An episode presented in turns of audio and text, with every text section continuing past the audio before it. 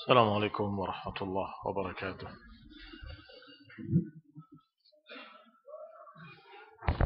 إن الحمد لله نهده ونستعينه ونستغفره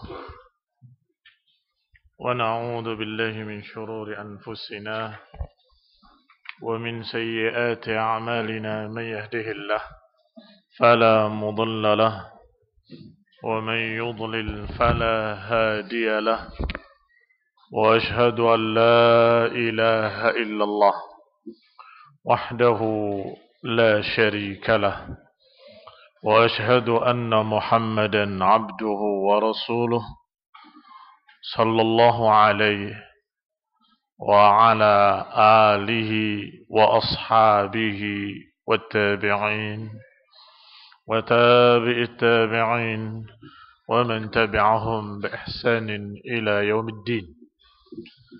يا أيها الذين آمنوا اتقوا الله حق تقاته ولا تموتن إلا وأنتم مسلمون. يا أيها الناس اتقوا ربكم الذي خلقكم من نفس واحدة وخلق منها زوجها وبث منهما رجالا كثيرا ونساء. واتقوا الله الذي تساءلون به والأرحام. إن الله كان عليكم رقيبا. يا أيها الذين آمنوا اتقوا الله وقولوا قولا سديدا. يصلح لكم أعمالكم ويغفر لكم ذنوبكم. ومن يطع الله ورسوله فقد فاز فوزا عظيما. أما بعد فإن خير الحديث كتاب الله وخير الهدي هدي محمد صلى الله عليه وعلى آله وسلم. وشر الأمور محدثاتها فإن كل محدثة بدعة وكل بدعة ضلالة وكل ضلالة في النار. Ikhwani fi din, a'azakumullah, kaum muslimin rahimani wa rahimakumullah. Pada hari ini kita akan baca insyaallah ucapan Syekh Rabi hafizahullah taala ketika ditanya tentang ahlus sunnah. Maka beliau berkata hafizahullah taala As'adun nas بالنجاة وأسعد الناس بلقب أهل السنة وأنصار السنة وأتباع محمد صلى الله عليه وعلى آله وسلم هم أولئك الذين يتمسكون بكتاب الله وبسنة رسول الله صلى الله عليه وعلى آله وسلم وبما كان عليه السلف الصالح والقرون المفضلة من عقيدة ومنهج kata beliau orang yang paling berbahagia mendapatkan keselamatan orang-orang yang paling berbahagia dengan julukan ahlus sunnah atau ansarus sunnah pembela sunnah pengikut Nabi Muhammad sallallahu alaihi wasallam hum mereka adalah orang-orang yang berpegang dengan kitabullah dan sunnat Rasulullah sallallahu alaihi wa ala alihi wasallam dan dengan apa yang dipegang oleh para salafus saleh dari generasi-generasi pertama umat ini. Qurunul mufaddalah, generasi-generasi yang utama para sahabat, para tabi'in dan para tabi'it tabi'in. Aqidatan wa manhaj. Secara aqidah dan secara manhaj berpegang dengan apa yang dipegang oleh para salafus salih. Ikhwani fid din, a'azakumullah. Sengaja kita bahas pembahasan ini yang mungkin bisa dikata kembali ke permulaan. Artinya pembahasan dasar. Siapa sih ahlus sunnah? Karena memang semakin banyak ad'iya'us sunnah. Semakin banyak pengaku-pengaku sunnah. Ad'iya'us sunnah adalah mereka-mereka yang mengaku ahli sunnah, mengaku ansaru sunnah, padahal khawarij. Tapi mereka bikin nama kelompoknya dengan ansaru sunnah, pembela sunnah, ansarut tauhid ila akhirnya atau menyatakan bahwa kami adalah pengikut Nabi Muhammad SAW dengan julukan-julukan yang seperti itu. Taib. Kita tidak sedang rebutan gelar. Tapi kita mau belajar. Siapa yang disebut ahlus sunnah, ansarus sunnah, pengikut Nabi Muhammad sallallahu alaihi wa ala alihi wasallam. Maka para ulama menyatakan mereka-mereka yang berbahagia mendapatkan keselamatan. Firqatun najiyah, golongan selamat. Mereka yang berbahagia dengan julukan yang mulia, ahlus sunnah, ansarus sunnah, pengikut Nabi Muhammad SAW, adalah mereka yang berpegang dengan kitab dan sunnah, dan berpegang dengan apa yang dipegang oleh salaful ummah. Generasi-generasi terbaik umat ini, secara aqidah dan manhaj syariah suluk ila akhir. Wa idza darasna waqi'al muslimin. Baik kalau kita pelajari keadaan kaum muslimin yang waqi' yang nyata. Wa manahijihim wa tarikhihim dan juga ketika kita mempelajari manhaj-manhaj mereka, sejarah mereka. A'ni al-firaq al-islamiyah, masih kata Syekh Rabi' hafizahullah. Ketika kita mempelajari sejarah mereka, yakni kelompok-kelompok kaum muslimin, najid anna man yasduqu alaihim al-firqah an-najiyah wat-ta'ifatul mansurah atau ahlul hadis innama hum الذين يلتزمون هذا المنهج السلفي الصحيح القائم على كتاب الله وعلى سنة رسول الله صلى الله عليه وسلم في العقيدة والعبادة والتشريع والسياسة وغيرها ketika kita lihat kenyataan kaum muslimin sejarah mereka dan sejarah aliran-aliran kaum muslimin kelompok-kelompok kaum muslimin firqah-firqah kaum muslimin maka yang paling mencocoki dengan sifat al-firqatun najiyah golongan yang selamat. Atau yang cocok dengan sifat yang digambarkan oleh Rasulullah mansurah ila qiyamis sa'ah. Selalu dibela selalu dimenangkan ila qiyamis sa'ah. Mereka adalah orang-orang yang berpegang dengan manhaj para salafus salih bukan mengklaim yang paling cocok adalah kita bukan Beliau tidak berkata kita atau saya apalagi. Tetapi bicaranya adalah mereka yang memiliki sifat ittiba mengikut pada mereka para salafus saleh. Mengapa? Karena Nabi sendiri yang menjawab. Ketika ditanya tentang firqatun najiyah, golongan yang yang selamat, maka dijawab oleh Rasulullah SAW, humul jamaah ma ana alaihi wa ashabi. Mereka adalah al-jamaah yang aku dan para sahabatku ada di atasnya. Berarti siapa yang paling tepat dikatakan firqatun najiyah? Para sahabat. Dan yang menjalani jalan para sahabat. Itulah yang dimaksud dengan salaf. Bukan ajaran baru, bukan agama baru, bukan pemahaman baru. Maka merekalah yang dikatakan dan pantas dikatakan firqatun najiyah orang yang mengikuti salafnya, pendahulunya, yaitu berpegang dengan manhaj mereka yang dibangun di atas kitab dan sunnah, dibangun di atas Quran dan sunnah dalam masalah akidah, dalam masalah ibadah, dalam masalah syariah, dalam masalah siasah, strategi politik itu siasah. Tetap kembalinya kepada kitab was sunnah. Hum ahakun nasi bihadal wasf. Mereka lah yang paling pantas disifati dengan al-firqatun najiyah. Golongan yang selamat. Maka siapa yang mengaku golongan selamat tetapi tidak mengikuti salafnya, maka itu hanya iddia. Hanya pengakuan. Kalau hanya pengakuan tidak diterima. Al-bayyinatu lil mudda'i. Kata Nabi SAW, bukti bagi mereka yang mengaku-ngaku. Al-bayyinatu lil mudda'i wal yamin ala man ankar. Ikhwani fi din azakumullah. Maka siapa yang idda'a yadda'i an-najah fa'alaihi bil bayyinah. Maka atasnya untuk mendatangkan bukti. Fama huwal bayyinah atau fama hiyal bayyinah?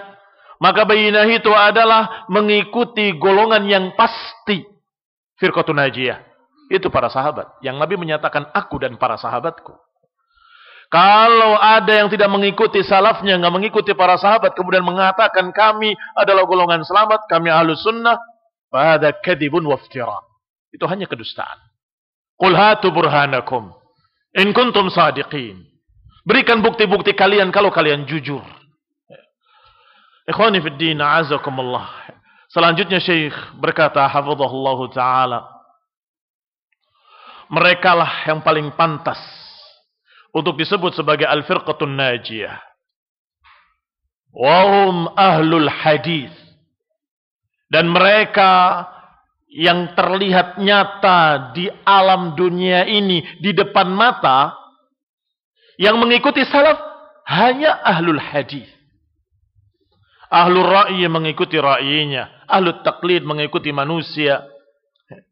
Yang mengikuti salafnya adalah mereka yang mengambil riwayat-riwayat, asar-asar, hadis-hadis dari Rasulullah, dari para sahabat. Maka mereka lah yang mengikuti asar dan itulah orang yang dimaksud.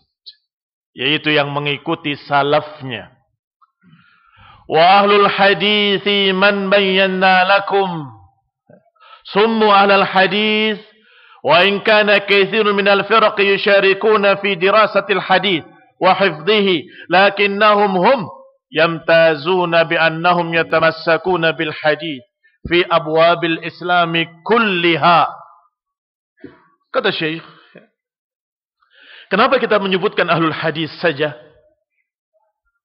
sebagaimana kita terangkan pada kalian mereka dinamakan ahlul hadis walaupun mungkin ada kelompok-kelompok lain yang mempelajari hadis mengkaji hadis. Yusyarikunahum fi dirasatil hadis. Bersama mereka mempelajari hadis. Tetapi ahlul hadis adalah orang yang bukan hanya mempelajari, tetapi berpegang dengan hadis yang mereka dapatkan. Berpegang dengan athar, riwayah yang mereka dapatkan secara sahih sanadnya. Hum yamtazuna bi annahum yatamassakuna bil hadis. Mereka memiliki tamayuz, memiliki keistimewaan tersendiri. Ahlul hadis yang dimaksud adalah orang-orang yang memiliki keistimewaan ala wa huwa at-tamassuk bil hadis. Berpegang dengan hadis itu sendiri. Kalau mempelajari, mempelajari, mempelajari sampai dikatakan ahli hadis. Lugatan. Ahli hadis kan artinya dalam bahasa Indonesia ahli di bidang hadis. Alim di bidang hadis. Tetapi ketika ada hadis yang sahih, dia tahu dengan latar, latar belakang ilmunya. Kalau itu sahih, dia kesampingkan. Dengan alasan ini tidak masuk akal. Ya berarti dia bukan ahlul hadis. Ahlul hadis ilman wa amalan. Secara keilmuan dan secara pengamalan. Baru dikatakan ahlul hadis. Kalau secara keilmuan dia ahli di bidang hadis, alim bil hadis, masya Allah, tahu yang sahih, tahu yang daif, bisa memilah mana yang sahih, mana yang daif. Tetapi dia punya prinsip, tidak mesti hadis sahih harus kita terima, dan tidak mesti hadis daif harus kita tolak. Kadang-kadang ada hadis sahih, tapi bertentangan dengan akal. Kadang-kadang ada hadis yang daif, tapi cocok dengan akal. Sebagaimana ucapan Muhammad Ghazali yang menulis sirah. Ini kan keanehan. Maka dia mungkin alim bil hadis, tetapi dia bukan ahlul hadis yang kita maksud. Adapun kata syekh dan para ulama terdahulu menyatakan bahwa firqatun najiyah ahlus sunnah hum ahlul hadis. Maksud mereka ahlul hadis ilman wa amalan. Secara keilmuan dan secara pengamalan. Secara pengamalan dia punya prinsip. Pokoknya ada hadis saya pegang. Tetapi saya nggak punya ilmu. Mengira hadis ini sahih padahal dhaif. Berpegang dengan satu hadis yang dia yakini sebagai hadis sahih. Ternyata maudhu' menyimpang juga. Alaysa kadzalik? Sebaliknya, punya ilmu tetapi tidak mau mengamalkan seperti yang tadi. Tidak mesti hadis sahih harus kita pegang. Ada hadis sahih yang tidak sudah zamannya sekarang ini. Mau mengatakan kadaluarsa mungkin dia masih malu-malu. Itu di zamannya. Di zaman kita. Ada apa kita berpegang dengan hadis-hadis yang seperti ini? Walaupun sahih. Na'udzubillah min dhalik. Sehingga yang dimaksud adalah ahlul hadis ilman wa amal. Qala yamtazuna بأنهم يتمسكون بالحديث في أبواب الإسلام كلها في العقائد والعبادات والسياسات وغيرها berpegang dengan hadis ini keistimewaan ahlul hadis berpegang dengan hadis yang mereka ketahui sahih, menjaganya, memeliharanya dalam bidang akidah maupun dalam bidang ibadah, maupun dalam bidang siasah. Syekh Rabi hafizahullah adalah syekh alim di zaman kita. Yang artinya beliau tahu firqah-firqah yang ada di sahah di zaman kita. Makanya sengaja saya pilihkan dari tulisan beliau. Karena kita inginkan satu dari sisi teorinya yang juga kita dapatkan dari kitab-kitab terdahulu. Dan juga dari pengalaman beliau. Melihat firqah-firqah yang ada ini kadang menyatakan saya ikut salaf, kami ikut salaf, kami salafiyul aqidah. Tetapi disebut akidah saja. Kami ikut salaf dalam bidang akidah. Bagaimana kalau dalam bidang ibadah? Ya ibadah juga. Taib. Pertanyaan ketiga, bagaimana dengan siasah masalah politik? Kalau masalah politik kata Abdurrahman Abdul Khalid di Kuwait. Walaupun kita tahu bahwa demokrasi ini sekian puluh kejelekan dan penyimpangannya, Bahkan saya bisa tambahkan lagi lebih dari itu. Tetapi mau tidak mau kita harus masuk dalam parlemen. Kita harus berjuang. Kita harus begini, kita harus begitu. Secara politik. Tapi ketika bicara akidah, salafi. Fitnatun. Fitnatun mutaakhirah. Ini fitnah baru yang muncul belakangan. Yang membeda-bedakan antara ibadah dengan akidah membedakan antara akidah ibadah dengan siasah. Maka beliau sebutkan ketiga-tiganya. Aqidatan wa ibadatan wa siasah. Apakah dalam bidang akidah, ataupun dalam bidang ibadah, ataupun dalam bidang siasah, bidang politik. Tetap kembali kepada salaf. Kalau dikatakan dan disepakati oleh ijma' para salaf, bahwa itu adalah sesuatu yang bid'ah, maka kita tidak pakai. Kalau itu mukhalafah sunnah, kita nggak ambil. Ikhwani fiddin, a'azakumullah. Mungkin akan ada yang berkata berarti kita akan aneh sendiri dong di masyarakat. Naam. Fatuba lil ghuraba. Semoga berbahagia para orang-orang asing. Ikhwani fi din, a'azakumullah, kaum muslimin rahimani wa rahimakumullah. Kata beliau selanjutnya. Qala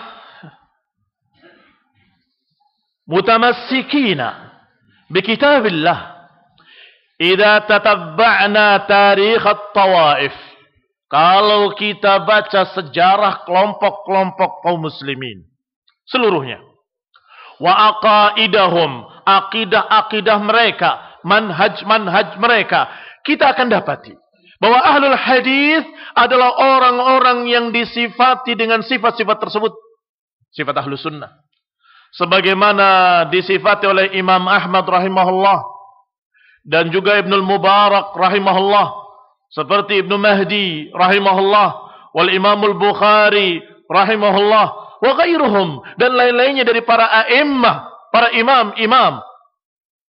Tabbaqu hadis. Mereka menetap menerapkan atau mereka memakai hadis sataftariqu ummati ala 73 firqah kulluha fin nari illa wahidah akan berpecah umat ini menjadi 73 golongan semuanya dalam neraka kecuali satu golongan qalu mereka bertanya man hiya ya Rasulullah qala man kana ala ma ana alaihi wa ashabi yang akan selamat adalah yang seperti aku dan para sahabatku.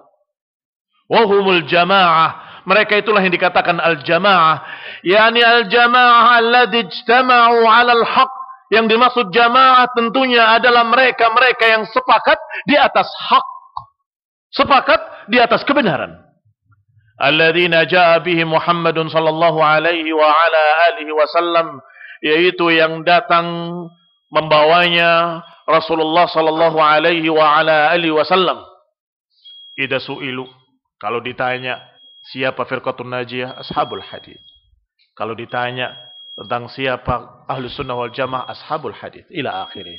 Asal taufiq wal سبحانك اللهم وبحمدك أشهد أن لا إله إلا أنت أستغفرك وأتوب إليك والسلام عليكم ورحمة الله وبركاته السلام عليكم ورحمة الله وبركاته إن الحمد لله نحمده ونستعينه ونستغفره ونعوذ بالله من شرور أنفسنا ومن سيئات أعمالنا من يهده الله فلا مضل له ومن يضلل فلا هادي له. وأشهد أن لا إله إلا الله وحده لا شريك له.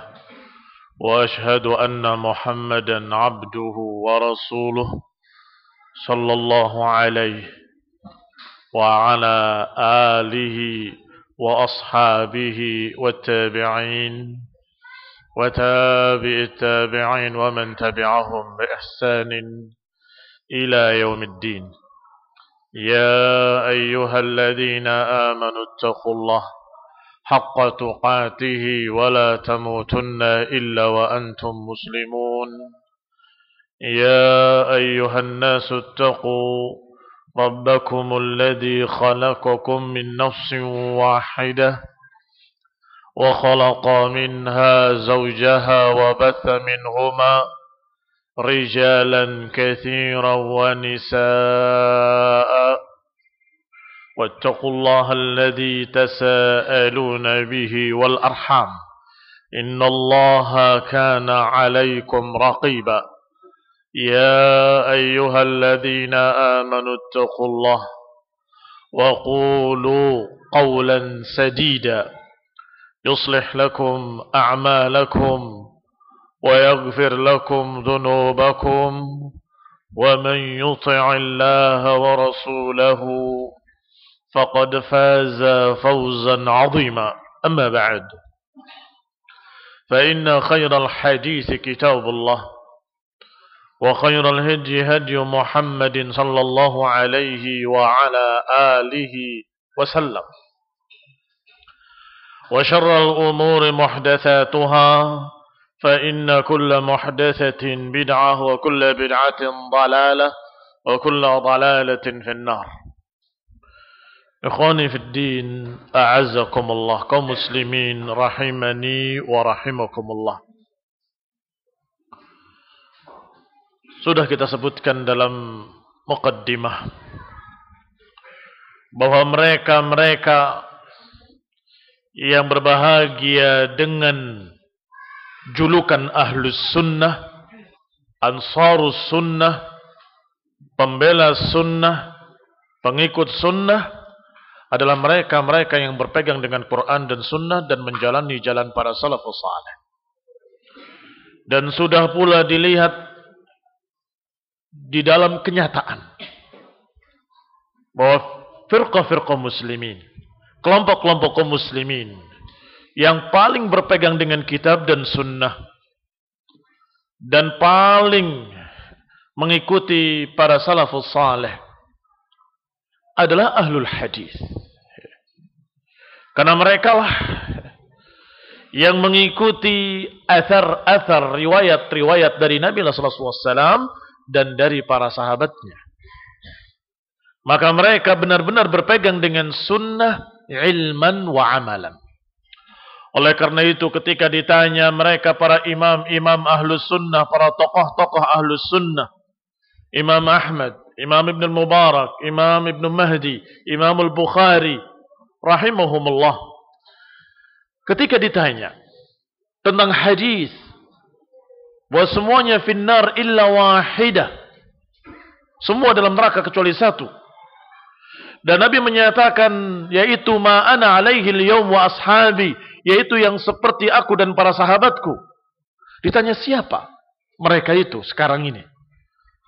Siapa al-jamaah yang dimaksud dalam hadis tersebut yang akan selamat dari 73 golongan? Mereka semua menjawab dengan hampir sama. Kalau bukan ahlul hadis, ahlul ilm. Ahlul ilmi wa ahlul hadis. Kadang-kadang disebut dua-duanya.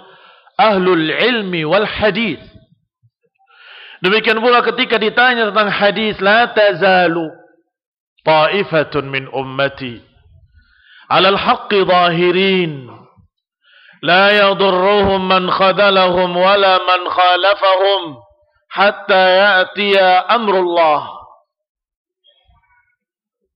akan terus ada segolongan dari umatku di atas kebenaran. Bahirin, tegak di atas kebenaran.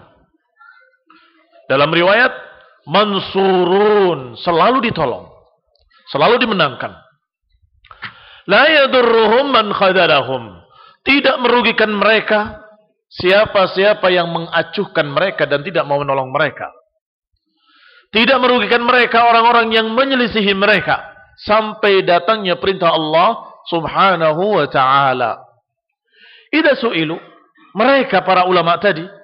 Jika ditanya an hadal hadith. Ditanya tentang hadis ini. Siapa yang dimaksud? Karena Nabi menyatakan. La tazalu. Akan terus ada. Tidak akan bergeser. Nggak akan hilang. Nggak akan lenyap akan terus ada di muka bumi ini sekelompok manusia yang zahirina alal haq berarti pasti ada. Tidak kosong dunia ini dari mereka. Taifatul mansurah yang zahirina alal haq nggak pernah kosong. Tetapi ketika ditanya siapa? Yang ini? Apa yang itu? Apa yang sana? Apa yang sini? Kelompok yang mana yang dimaksud oleh Nabi SAW akan selalu ada. Yaqulun. Para ulama tadi menjawab. Hum ahlul hadis. Limada? Mengapa demikian? Mengapa mereka menjawab hum ahlul hadis? Yang dimaksud dengan firqatul najiyah ahlul hadis. Yang dimaksud dengan taifatul mansurah ahlul hadis. Liannahum wajadu fil waqi' anna man yasduqu alaihim hadhanil hadithanil mutawatiran wala yajiduna fis sahati minal firaqi illa ahlul. Yang demikian karena mereka tidak mendapati di dalam kenyataan di medan dakwah enggak ada yang mencocoki dua hadis ini yang mutawatir ini yang tidak perlu dibahas lagi kesahihannya mutawatir Nggak perlu dibahas karena sudah jelas sahihnya. Wala yajiduna fis sahati minal firaqi illa ahlul hadis. Mereka tidak dapat di, di alam nyata kecuali ahlul hadis. Siapa yang pantas disebut firqatun najiyah? Yang berpegang dengan Quran dan Sunnah dan mengikuti jejak para salafus saleh. Enggak ada lain kecuali ahlul hadis. Yang ini menyimpang ke kanan, yang ini menyimpang ke kiri. Yang ini ekstrim ke kanan, yang ini ekstrim ke kiri. Yang ini kebablasan ke sana, yang ini kebablasan ke sini.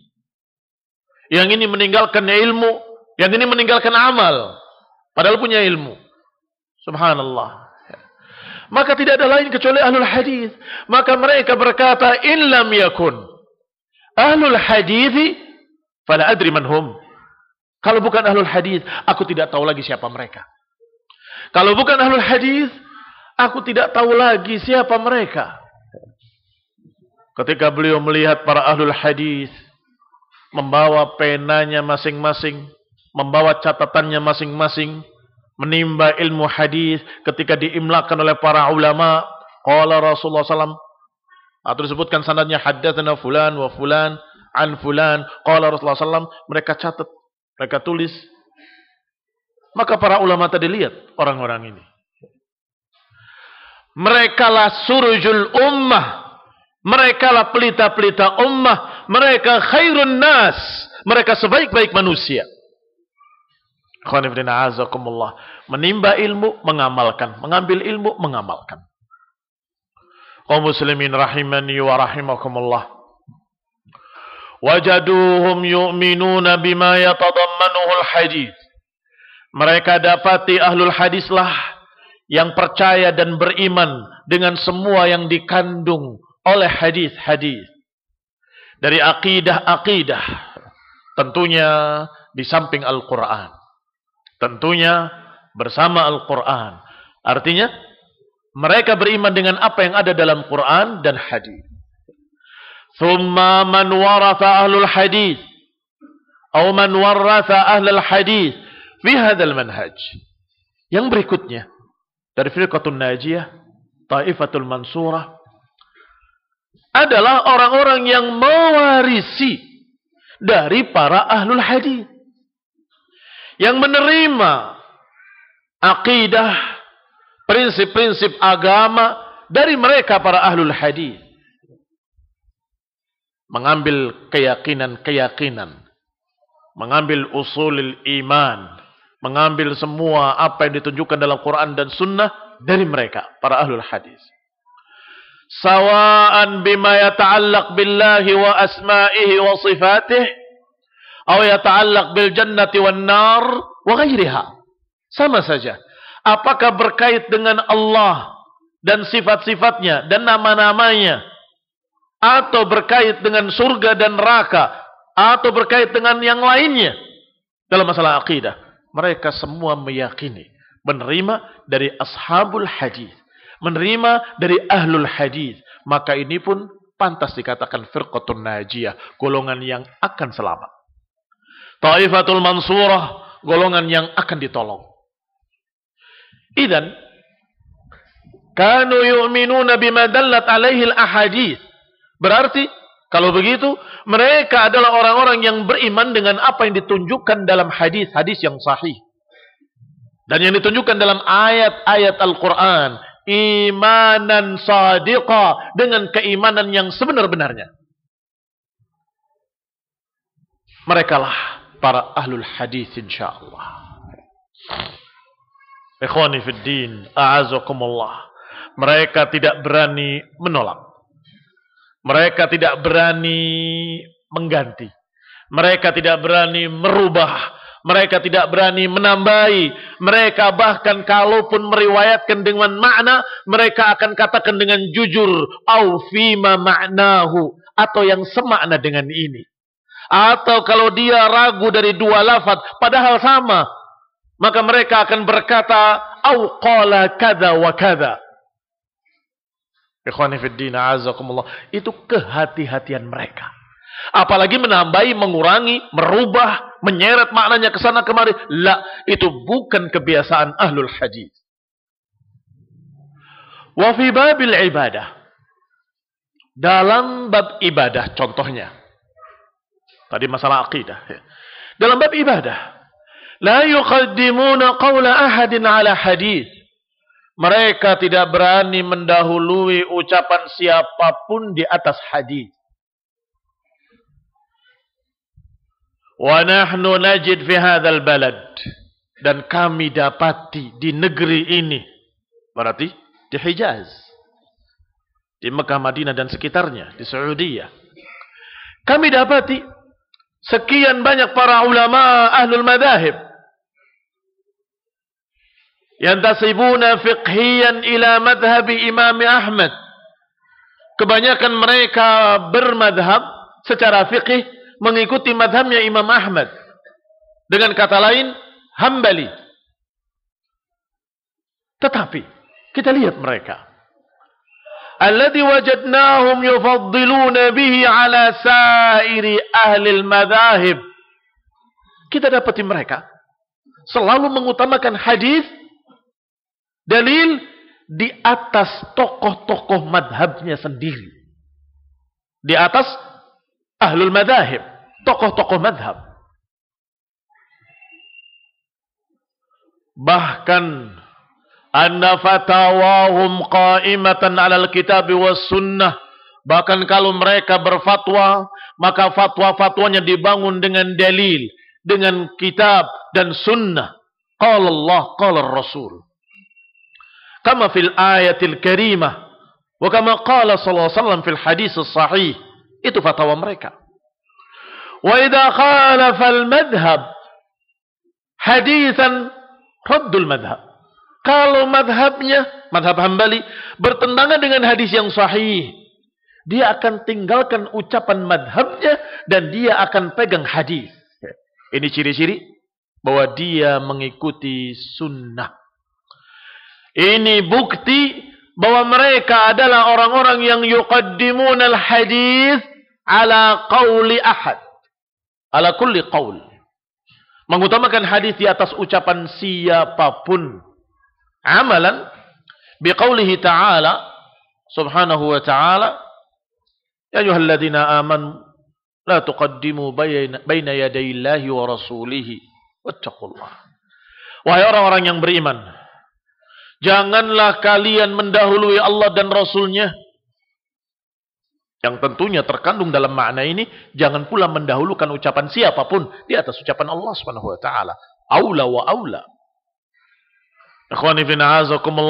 Demikian pula ayat wala tarfa'u aswatakum aswatakum fawqa sautin nabi. Jangan diangkat suaramu di atas suara nabi. Kata Ibnu rahimahullah, kalau meninggikan bukan hanya suara, mengutamakan ucapan lain di atas ucapan nabi, aula wa aula, lebih-lebih lagi dilarangnya. Suaranya saja lebih keras dari nabi tidak boleh.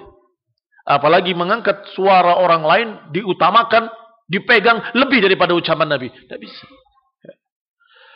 Maka mereka para ashabul hadis, para ahlul hadis fi hadzal zaman, di zaman ini pun sama. Mereka punya prinsip tersebut. La yuqaddimuna qawla ahadin ala qawlin Nabi. Mereka enggak berani mengutamakan ucapan siapa pun di atas ucapan Nabi. Walaupun mereka dohirnya tampak memulai belajarnya dari Hambali. Dari madhab Hanabilah. Tetapi kalau ada hadis yang sahih bertentangan dengan pendapat madhabnya, mereka tinggalkan pendapat madhabnya. Raddul madhab. Limada? Min ajlil hadis. Karena mengutamakan hadis. Wa idha khalafa ayatan. Raddul madhab min ajlil ayah. Kalau ternyata ucapan pendapat madhabnya bertentangan dengan ayat mereka tinggalkan ucapan madhabnya karena mengutamakan ayat Al-Quran. Dan saya menyaksikan saksi hidup ketika duduk di majelis Syekh Ibn Uthaymin rahimahullah. Dan beliau mengajarkan Zadul Mustaqni' Zadul Mustaqni' adalah ringkasan madhab Hambali Kedudukannya seperti matan ghayah wa takrib dalam madhabnya syafi'i. Matan Abi Suja' sekelas dengan itu. Tetapi ketika ada pendapat padanya dari pendapat muallif yang menyatakan bahwasanya disunnahkan untuk menikahi satu wanita saja bila um tanpa ibu. Syekh rahimahullah menyatakan ini tidak ada dalilnya. Lihat, padahal beliau hambali. Dan yang dipegang bukunya buku hambali. Adapun menyatakan disunahkan nikah satu, maka ini tidak tepat. Karena Allah menyatakan fanqihu ma tabalakum minan nisa'i matna wa thulatha wa ruba' wa in khiftum fawahidah. Ini yang diperintahkan. Kalau tidak mampu ya satu sajalah. Tidak mampu adil. Demikian pula ketika bila um beliau bahkan berkata bila um apakah dia tumbuh dari biji? Kok tanpa ibu? Setiap perempuan pasti punya ibu. Lah, Kata dia, ini adalah maksudnya yatimah. Disunahkan untuk menikahi wanita yang yatimah. Walaysa indahu dalil. Walaysa indahum dalil, kata beliau. Tidak ada dalil. Illa syu'um. Kecuali kekhawatiran syu'um. Biasanya kalau ada ibunya tarik-menarik kecintaannya dengan suaminya. Ini khunibdin azakumullah. Beliau tidak muqallid. Dan beliau menyatakan demikian. Ya layta syi'ri. Duhai kiranya mereka-mereka yang membahas matan ghayah wa taqrib, matan Abi Syuja juga sama. Kalau ada yang menyelisihi sunnah, kita katakan bahwa ini pendapat yang merjuh. Karena sebutkan dalam hadis yang sahih demikian-demikian. Atau ini bila dalil. Yang lebih sahih adalah apa yang dikatakan dalam dalil. Maka niscaya akan bersatu di atas sunnah yang memulainya dari madhab syafi'i, yang memulainya dari hambali, yang memulainya dari maliki, akan ketemu dalam dalil, dalam sunnah, karena mereka bukan muqallid. Tetapi, ya wailat, ya wailakum. Celaka kalian, celaka kita. Kalau masing-masing ta'asub dengan madhabnya, pokoknya ini kata madhab hambali. Pokoknya ini kata Syafi'i. Pokoknya ini kata Maliki. Maka niscaya nggak akan berakhir pertikaian ila akhir zaman. Nggak akan bisa ada ketitik temu atau ada persatuan dalam pemahaman. Nggak akan ada. Tetapi kalau saja masing-masing memiliki istijabah terhadap dalil. Tunduk terhadap dalil. Dan diutamakan dalil di atas akwal, a'immah, rahimahumullah. Diutamakan ucapan Rasulullah SAW di atas ucapan siapa pun. Jangankan ucapan para imam-imam madhab. Ucapan Abu Bakar wa Umar. Kalau ada yang menyelisihi Rasulullah SAW, kita akan pegang ucapan Rasul. Dan itu kita ambil dari ucapan Ibn Abbas. radhiyallahu ta'ala anhuma. Akhsha an tanazzala alaikum hijara minas sama. Aqulu qala Rasulullah wa taquluna qala Abu Bakar wa Umar. Aku khawatir akan turun batu-batu dari langit. Aku katakan qala Rasulullah, kalian bantah dengan qala Abu Bakar, qala Umar. Khawatir akan turun adab. Ketika disampaikan dalil, jawabannya qala Abu Bakar wa qala Umar. Taib, bagaimana kalau jawabnya tetapi qala Syafi'i, qala Hambali, qala Imam Ahmad, qala Imam Malik. Ya tentunya mereka di bawah Abu Bakar wa Umar. Ikhwani fi din, a'azzakumullah, kaum muslimin rahimani wa rahimakumullah. Qala selanjutnya Syekh berkata, hafizahullahu taala wa ra'ah wajadna hadha fi tadrisihim. Kita lihat ulama ahlus sunnah dalam tadrisihim dalam pengajaran pengajaran mereka wa khutabihim khutbah-khutbah mereka wa muhadaratihim muhadarah-muhadarah mereka wa fi muallafatihim dan dari tulisan-tulisan mereka wa fatawahum dan fatwa-fatwa mereka tajiduhum. Kamu dapati mereka di dalam semua itu yuqaddimuna al-hadis selalu mengutamakan hadis selalu mengutamakan dalil. Hatta ala qauli Ahmad ibn Hanbal rahimahullah. Hingga walaupun meninggalkan atau dengan meninggalkan pendapatnya Imam Ahmad bin Hanbal. Karena hadis sahih, ucapan Imam Ahmad pun ditinggalkan. Maka jangan dijuluki dengan julukan yang sinis mereka itu hambali. Ya, tidak. Mereka sunni. Ya, walaupun mempelajarinya dari awal, memulainya dari madhab hambali. Tetapi mereka didik anak-anak didiknya untuk berhujjah dengan dalil, apa yang tidak cocok dengan dalil ditinggalkan. Fahum min ahli hadis.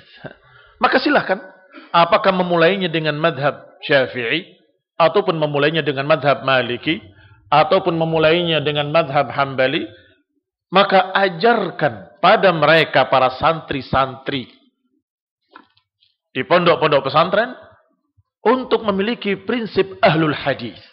Apa itu prinsip ahlul hadis? Mengutamakan hadis di atas ucapan siapa pun. Maka mereka para imam-imam ahlus sunnah tentunya dominannya 99,9% mereka berupaya untuk mengikuti hadis. Tetapi yang namanya manusia kadang tergelincir, kadang tidak tahu hadis tersebut atau belum sampai kepadanya, kadang dia berpendapat bahwa itu tidak sahih ternyata sahih, atau sebaliknya dikatakan itu dikira sahih padahal dhaif, maka terjadilah ketergenjan mereka. Maka barakallahu fikum, taklid tidak diperintahkan, tidak dianjurkan. Yang dianjurkan adalah untuk mengkaji dari mereka para imam-imam ahlu sunnah dengan tidak taklid dengan mengikuti mereka secara dalil, secara hujjah. Maka ketika dia tahu bahwa ini merjuh, ini rajih, dia akan memilih yang rajih, meninggalkan yang merjuh. Kalau dia melihat dalil ini lebih kuat daripada yang itu, dia akan mengatakan ini yang sahih, itu yang tidak benar. Atau ini yang kuat, ini yang lemah. Atau dengan bahasa yang lebih sopan dari itu. Ini yang rajih, ini yang marjuh. Ikhwani fi din, a'azakumullah, kaum muslimin rahimani wa rahimakumullah. Ini barakallahu fikum contoh dalam masalah ibadah. Dalam masalah ibadah. Kita saksikan al-firqatun najiyah wa ta'ifatul mansurah. Seperti itu jalan mereka. Fahum min ahlil hadis, maka mereka lah ahlul hadis di zaman kita mereka lah firqatun najiyah insyaallah. Mereka lah taifatul mansurah yang sifat-sifatnya demikian. Wa huwa syai'un malmus. Dan itu adalah perkara yang malmus yang bisa diraba, bisa dilihat, bisa diketahui. Oh bukan mereka, terus siapa? Bukan ini, bukan, yang itu, bukan, yang ini bukan. Berarti tidak ada. Nggak mungkin, tidak ada. Iya kan? Tidak mungkin tidak ada. Harus ada. Karena Nabi yang memberitakan, La tazalu ta'ifatun min ummati. Akan selalu ada. Tidak akan sirna. Tidak akan bergeser. Akan selalu ada. Sekelompok dari umatku yang tegak di atas kebenaran. Tapi kita lihat mana yang akrab di antara umat-umat ini. Kelompok ini, kelompok ini, kelompok ini. Mana yang tunduk pada dalil, Mana yang kalau ada qala Allah, qala Rasul, dia tinggalkan ucapan madhabnya. Dia tinggalkan ucapan tokohnya. Dia tinggalkan ucapan kiainya. Dia lebih memilih qala Allah wa qala Rasul. Yang mana? In lam yakun. Ahlul hadis, fala adri manhum. Kalau bukan mereka para ashabul hadis, para ahlul hadis, aku tidak tahu lagi siapa mereka. Terkatun naziyah di zaman ini. Ikhwani fi din, a'azakumullah kaum muslimin rahimani wa rahimakumullah. Dikatakan selanjutnya oleh Syekh rahimahullah, hafizahullah wa ra'ah. Man arada an yanzur fil falyarji'. Siapa yang ingin lihat kenyataan yang ada di muka bumi ini, silakan merujuk kepada fatwa-fatwa muhadharah-muhadharah kitab-kitab mereka. Para a'immah, para ulama tersebut kamu akan dapati sifat tadi ada pada mereka. فلهذا قد يسعى بعض أهل الفتن لاستغلال إطلاق أهل الحديث أو السلفيين على هؤلاء فيقولون إن المقصود به غيرهم oleh karena itu ahlul fitan yas'a berusaha dan berupaya listighlali itlaq ahli hadis awis salafiyin ala haula. Oleh karena itu ahlul fitan, tukang fitnah, ahli dalal, bahkan musuh-musuh Islam dari luar Islam selalu berupaya untuk menyimpangkan manusia dari ulama tersebut. Kalau yang lain silahkan. Mau ikut yang ini, yang ini, yang ini, silahkan. Bebas memilih selama ahlu dalal, kelompok sesat, tidak perlu saling mendahului. Mau yang ini boleh, mau yang itu boleh, yang ini boleh. Yang ini awas. Selalu begitu. Sehingga kamu saksikan paling dimusuhi. Paling dicaci. Dijuluki dengan sekian ribu julukan. Yang jelek. Dituduh dengan seribu satu tuduhan. Assalamualaikum Yang semuanya dusta. Ikhwani fiddin, a'azakumullah. Kaum muslimin rahimani wa rahimakumullah. Bicara teroris, teroris, teroris. Yang ditunjuk Madinah. Sumber teroris katanya. Kan aneh. Apakah bodoh atau pura-pura bodoh? In kunta la tadri fatilka musibatun. Wa in kunta tadri fal musibatu a'zam. Kalau engkau tidak tahu, ya kafir Ameriki itu musibah. Orang yang katanya negara maju punya intelijen yang hebat.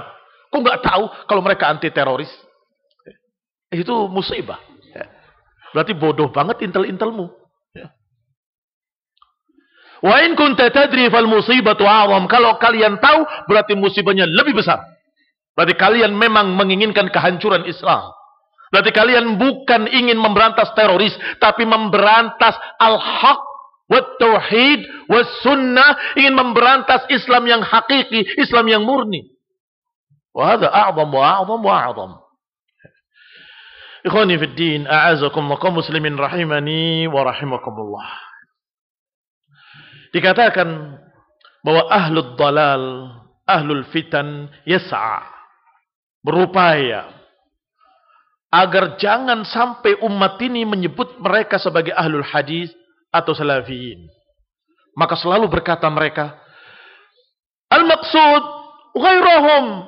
Yang dimaksud bukan mereka.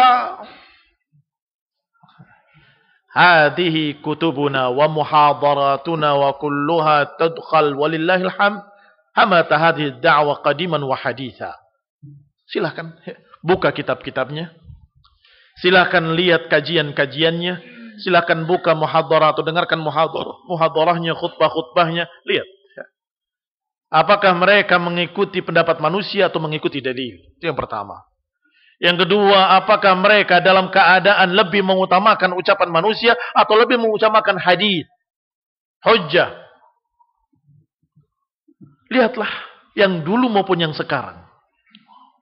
Di negeri ini, negeri beliau. Negeri Hijaz alladhi nafa'allahu bida'watihil ummah al-islamiyah yang alhamdulillah yang Allah memberikan manfaat dengan sebab keberadaan negeri tersebut. Negeri tauhid. Satu-satunya negara yang mengibarkan la ilaha illallah. Yang dasarnya, dasar negaranya Quran dan sunnah dengan pemahaman salaf. Apa ada? Ditambah lagi bagaimana penyebaran Islam oleh mereka. Mereka berlomba-lomba untuk memberikan amal jariah. Bikin mujamma' seperti mujamma' Malik Fahd yang mencetak Al-Quran, memeriksa Al-Quran, meliti Al-Quran, menerjemahkan ke dalam seluruh bahasa dunia dan disebarkan ke seluruh dunia. Dan sekarang Malik Salman membuat mujamma' untuk hadis. Masya Allah. Semoga Allah berikan keikhlasan pada mereka. Sehingga amalannya menjadi jariah. Nafi' memberikan manfaat kepada seluruh dunia. Belum lagi buku-buku yang mengajarkan tauhid. Ikhwani fi din, a'azzakumullah, kaum muslimin rahimani wa rahimakumullah. Qala Dikatakan selanjutnya oleh beliau, oleh Syekh. Ayqadha min subatiha wa akhrajaha min dhulumatil jahli wad dhalal bihadhihi da'wah. Dengan sebab dakwah mereka para ahlul hadis orang yang tadinya tidak sadar jadi sadar, yang tadinya tertidur terbangun. Yang tadinya jahil tenggelam fi dhulumatil jahli tenggelam dalam kegelapan kebodohan, mulai melihat. Oh ini yang namanya hak. Tolong Ustaz, ajari saya. Sungguh demi Allah, saya merasa baru masuk Islam saat ini. Itu saya dapati. Orang yang berkata seperti itu, padahal dia dari pondok pesantren. Saya baru melihat Islam yang sesungguhnya sekarang ini. Mengapa? Karena kita katakan dalil, dalil, dalil, dalil. Qala Allah, qala Rasul, qala Allah, qala Rasul. Yang selama ini dia merasa hanya diharuskan begini. Ini madhab, harus ikut. Ini madhab, harus ikut. Dan itu bukan cuma di Indonesia. muslimin rahimani wa. Di Pakistan, Pakistan, Bangladesh, dan sekitarnya, mereka terkungkung dengan madhab Ahnaf, Hanafi, dan seakan-akan harus begitu. Walaupun ada dalil yang sahih, ada ayat, ada hadis yang sahih, dia nggak akan mau peduli. Pokoknya ucapan madhab harus diutamakan. Demikian pula di madhab hambali. Ada yang seperti itu. Maka ikhwan ibn azamullah ketika diajarkan prinsip sunnah, prinsip ashabul hadis, baru mereka terbelalak matanya dan melihat ini yang hak. Padahal itu ucapan para imam. Ucapan Imam Syafi'i, ucapan Imam Ahmad, ucapan Imam Malik, ucapan Abu Hanifah bahkan. Rahimahumullahu ajma'in. Kata Imam Malik, kalau ada ucapanku yang bertentangan dengan hadis, peganglah hadis, lemparkan ucapanku ke dinding. Lemparkan ucapanku ardal haid. Diriwayatkan dalam riwayat-riwayat yang sahih dari Imam Syafi'i. Demikian pula Imam Ahmad menyatakan bahwa hadis yang sahih itu adalah madhabku. Itu adalah madhabku. Demikian pula Abu Hanifah dan Imam Malik mengucapkan kalimat yang hampir sama. Artinya mereka mengajarkan prinsip sunnah, prinsip ashabul hadis. Maka mereka semua ashabul hadis. Hanya saja pengikut-pengikutnya yang kemudian muqallid dengannya. Pokoknya hambali. Walaupun merju, walaupun pendapat yang daif, walaupun pendapat yang lemah, bahkan salah, bahkan itu ketergelinciran beliau rahimahullah wa ghafarallahu lahu, tetap mereka pegang kuat-kuat. Pokoknya hambali. Ikhwani fiddin azakumullah. Itu bukan prinsip salaf, itu bukan prinsip ahlus sunnah, itu bukan prinsip ashabul hadith. Demikian pula yang muqallid dengan syafi'iyah. Pokoknya apa kata madhab syafi'i. Ikhwani fiddin a'azakumullah kaum muslimin rahimani wa rahimakumullah.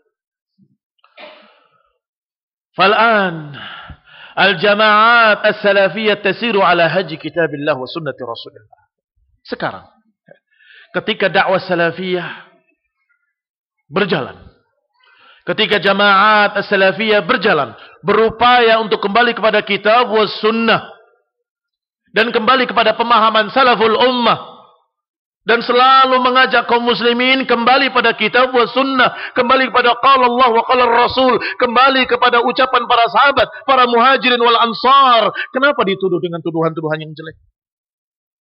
Kenapa dituduh? Akan meledakkan negeri ini, akan menghancurkan negara, akan merusak, akan begini. Kenapa? Apa salah mereka?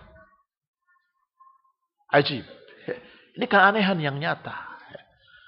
Bahkan mereka bersatu padu untuk memusuhinya dalam keadaan tidak paham sama sekali. Ditanya mengapa kalian memusuhi sedemikian rupa? Tidak tahu, pokoknya katanya begitu. Padahal mereka sudah berani sampai siap untuk menumpahkan darah.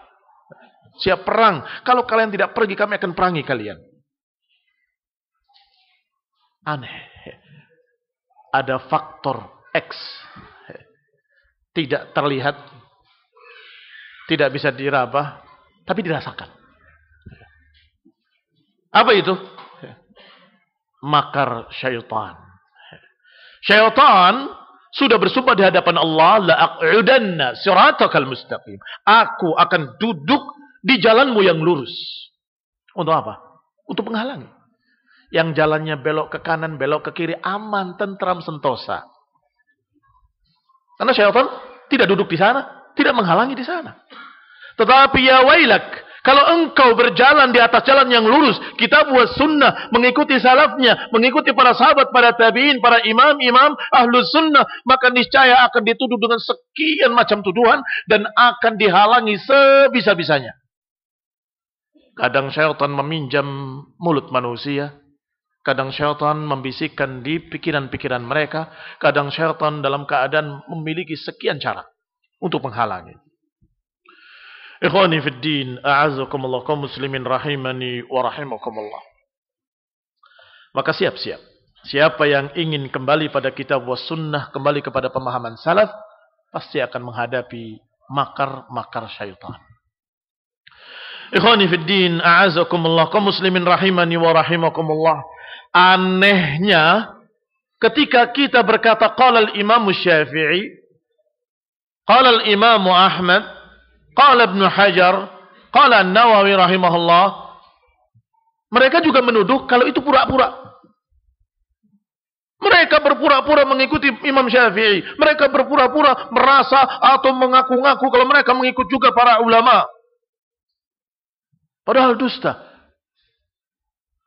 Ikhwanifiddina azakullah. Kitabnya kita kaji. Bulughul Maram. Kitabnya siapa? Ibnu Hajar. Asy-Syafi'i. Tokohnya Imam Syafi'i. Lalu Salihin, kitabnya siapa? Sama. An-Nawawi, Asy-Syafi'i juga.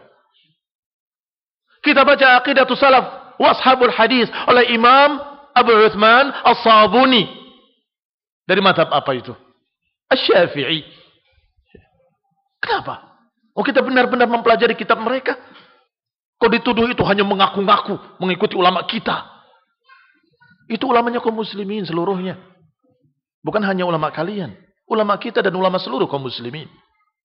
Ini khonifuddin a'azakumullah keanehan yang nyata. Harusnya kan gembira. Alhamdulillah. Mereka mengikuti imam kita, Imam Syafi'i. Mereka mengikuti tokoh-tokoh madhab Syafi'i. Alhamdulillah mereka sudah mendekat kepada madhab Syafi'i. Kan bagus. Seharusnya demikian. Qala. Dikatakan selanjutnya. Wafil aqidah mereka mendapatkan bimbingan dari Imam Muhammad ibn Abdul Wahab rahimahullah. Yang beliau rahimahullah memperjuangkan tauhid dengan ilmunya dan dengan pula kekuatannya bersama dengan Ibnu Su'ud. Laka saif walana al-fatwa. Engkau pedangnya, aku fatwanya. Maka tegaklah daulah tauhid. Daulah la ilaha illallah. Daulah yang berdasarkan Quran was sunnah dengan pemahaman salaf. Yang undang-undangnya adalah syariat Islam. Tapi, tapi, tapi, naam. Kita katakan tidak ada yang sempurna. Tetapi bukankah itu yang lebih baik dan paling baik di masa sekarang ini? Apakah ada yang lebih baik dari itu? Kata mereka, mereka para ulama yang di Yaman ataupun yang di Yordan ataupun yang di Mesir. Semuanya mengatakan dengan jujur tidak ada negeri yang lebih dekat pada kitab sunnah selain negeri Hijaz. Negeri Saudi. Tidak ada yang lebih aman dari negeri tersebut. Ikhwan ibn a'azakumullah. Kalau ada kekurangan di mana-mana ada kekurangan. Ada ketidaksempurnaan di mana-mana manusia memiliki ketidaksempurnaan. Tetapi di mana ada sebuah negara yang dasarnya Quran wa sunnah dengan pemahaman al sunnah wal jamaah. Di mana ada negara yang hukumnya syariat Islam. Di mana ada negara yang demikian keadaannya. Yang mahkamahnya dipimpin oleh ulama. Dan di mana pula ada negara yang kalau ada dainya mengajarkan kesesatan ekstrim, penyimpangan atau mengajarkan radikalisme ditangkap dan dipenjara dalam keadaan tidak peduli siapa dia. Syiah ekstrim mengancam pertumpahan darah, mengadakan begini dan begitu, tangkap, penjara. Ikhwani fi din, a'azakumullah. kaum muslimin rahimani wa rahimakumullah. Kita berbicara tentang akrab. Oh, mereka terlihat bukti-buktinya, kedekatannya. Dan Syekh Muhammad bin Abdul Wahab memiliki tulisan-tulisan, buku-buku, kitab-kitab. Silahkan. Kamu yang meragukan tentang beliau, buka kitabnya. Periksa. Apakah ada ucapan beliau seperti yang dituduhkan oleh musuh-musuh Syekh Muhammad bin Wahab? Apakah ada? Silahkan buka. Apakah kitab Tauhid? Apakah kitab Kasyifus Syubuhat? Apakah kitab Qawaidul Arba? Apakah kitab sekian banyak kitab-kitab beliau? Silakan. Buka dari awal sampai akhir.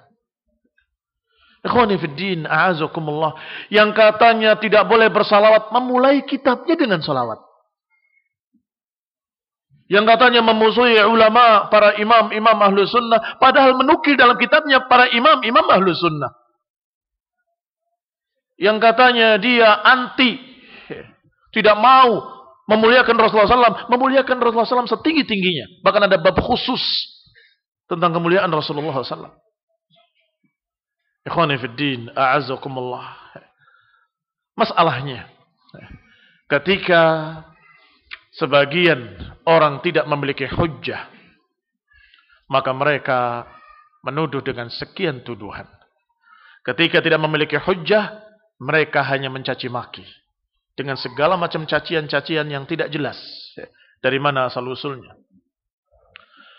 Ikhwani a'azakumullah. Inti dari ajaran tauhid yang diajarkan oleh para imam-imam ahlus sunnah sepanjang masa sampai kemudian Syekh Muhammad bin Abdul Wahab, sampai kemudian para pengikut-pengikutnya, sampai para ahlus sunnah, ahlul hadis, salafiyun hari ini intinya cuma satu. Beribadalah kepada Allah, jangan beribadah pada yang lain. Apa salah itu? Berdoalah kepada Allah, jangan berdoa pada yang lain. Itu tauhid yang diajarkan. Apa kalian maunya boleh berdoa pada siapa saja? Itu bukan tauhid. Maka silahkan. Kalaupun kata hadal hulqum Kalaupun potong leher ini, tetap kita akan katakan beribadahlah pada Allah, jangan beribadah pada yang lain. Apalagi? Kita nggak ragu sama sekali. Alaysa kadzalik? Bukankah demikian? Apakah dari Syekh Muhammad bin Abdul Wahab ataupun dari imam-imam yang lain? Kalau itu kata-katanya, ya kita terima.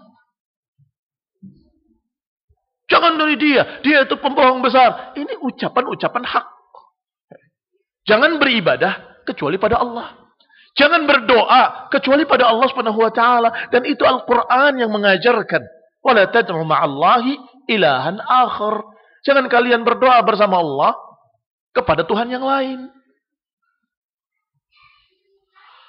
Walhamdulillah. Tegaklah majlis-majlis ilmu. Tegaklah pondok-pondok pesantren. Tegaklah Jamiah, jamiah, kampus-kampus, sekolah-sekolah, Masya Allah, mengajarkan tauhid was sunnah.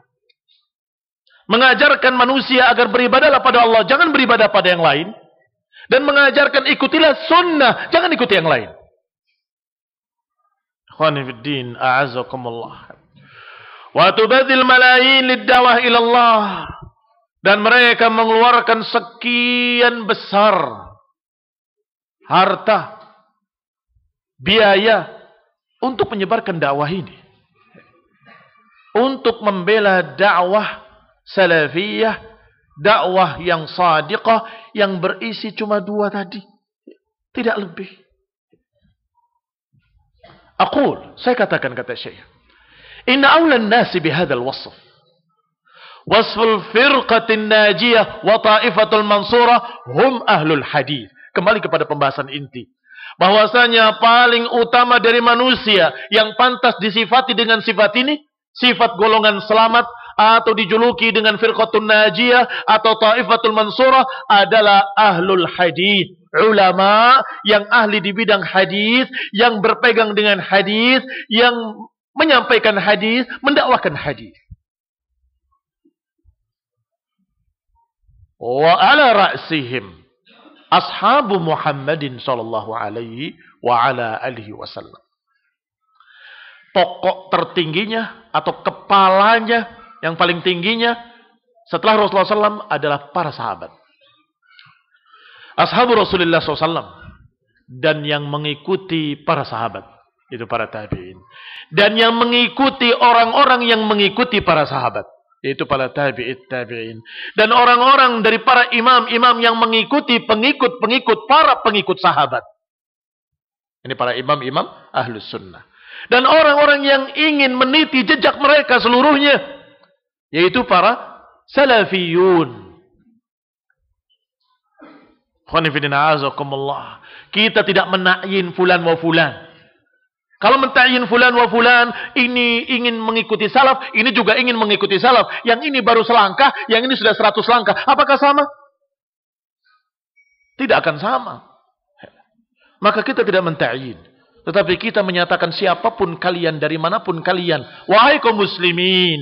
Kalau kalian berupaya meniti jejak mereka para salafus saleh. Para sahabat dan tabi'in dan tabi'it tabi'in. Wa tabi'ihim. Maka niscaya engkau adalah orang yang pantas disebut firqatun najiyah. Orang yang pantas disebut ta'ifatul mansurah. Maka masing-masing periksa dirinya. Sudah seberapa salafiyah yang kau pegang. Sudah seberapa langkah engkau menuju jalan salaf. Ikhwani fid din a'azakumullah. Agar jangan sampai dikira kita sedang rebutan mengklaim siapa yang selamat. Bukan. Sedang mengajarkan satu ilmu bahwa orang yang akan selamat adalah yang mengikuti salaf. Orang yang selamat adalah yang mengikuti salaf. Saya juga mau mengikuti salaf ya Ustaz. Nah, saya juga.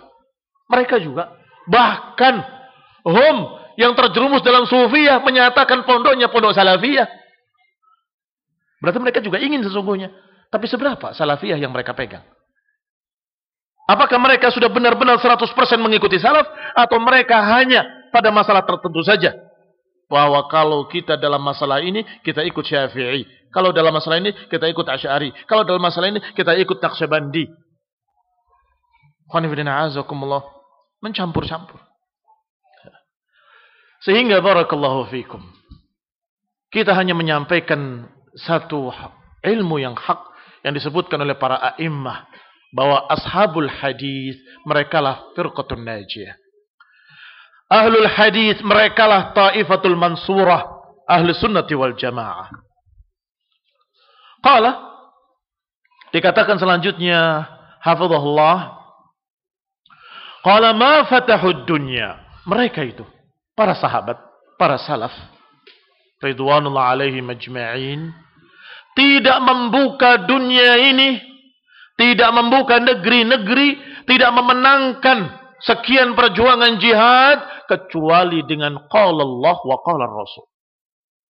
Tanpa dua itu tidak akan dimenangkan oleh Allah Subhanahu wa taala.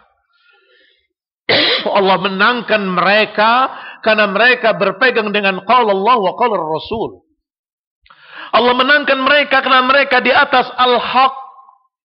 Yang kata Nabi la tazalu ta'ifatun min ummati dhahirina 'alal haq mansurun. Akan selalu ada sekelompok dari umatku yang tegak di atas kebenaran, selalu dimenangkan. Limada? Karena qaim 'alal haq. Bahir alal haq.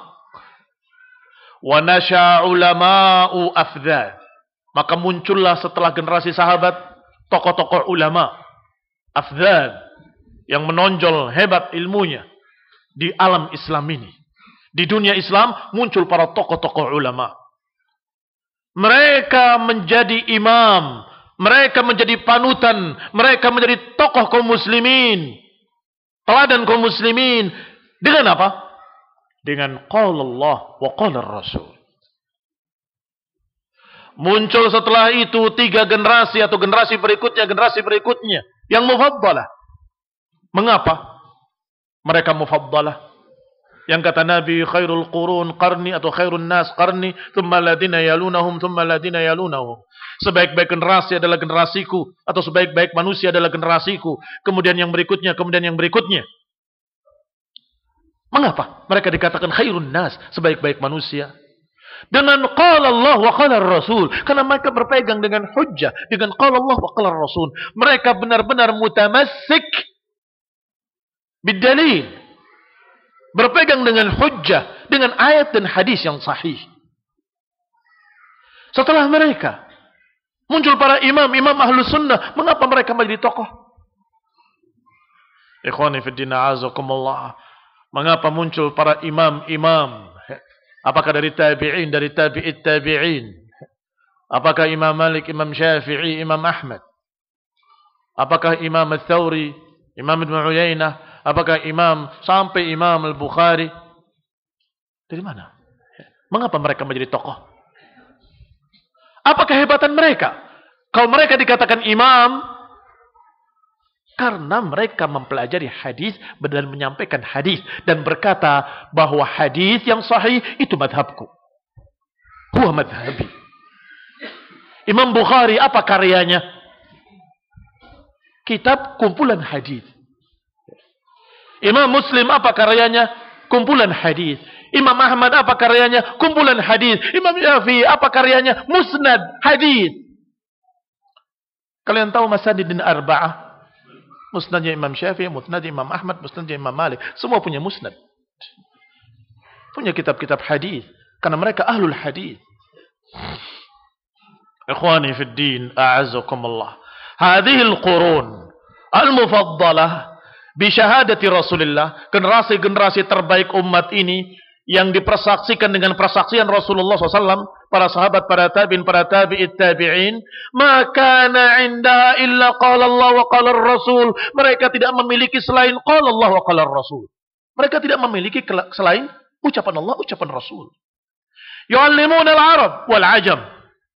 Kulla man yadkhul fi dinillahi yurabbunahu tarbiyatan sahihah. Mereka mengajarkannya kepada orang-orang Arab dan orang-orang selain Arab.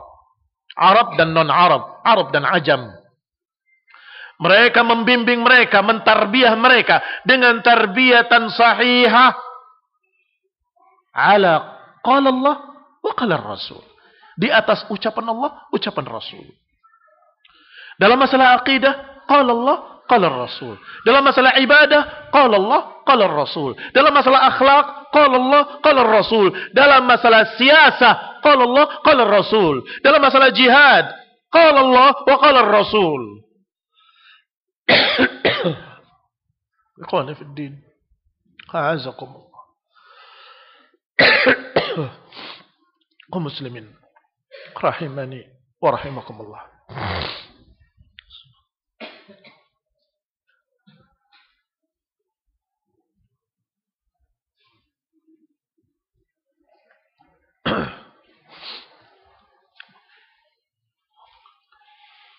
Mereka para ulama mentarbiah manusia dengan tarbiyah ilmiah amaliyah. Tarbiyahnya tarbiyah ilmiah amali. Diajarkan ilmunya dan diajak untuk mengamalkan.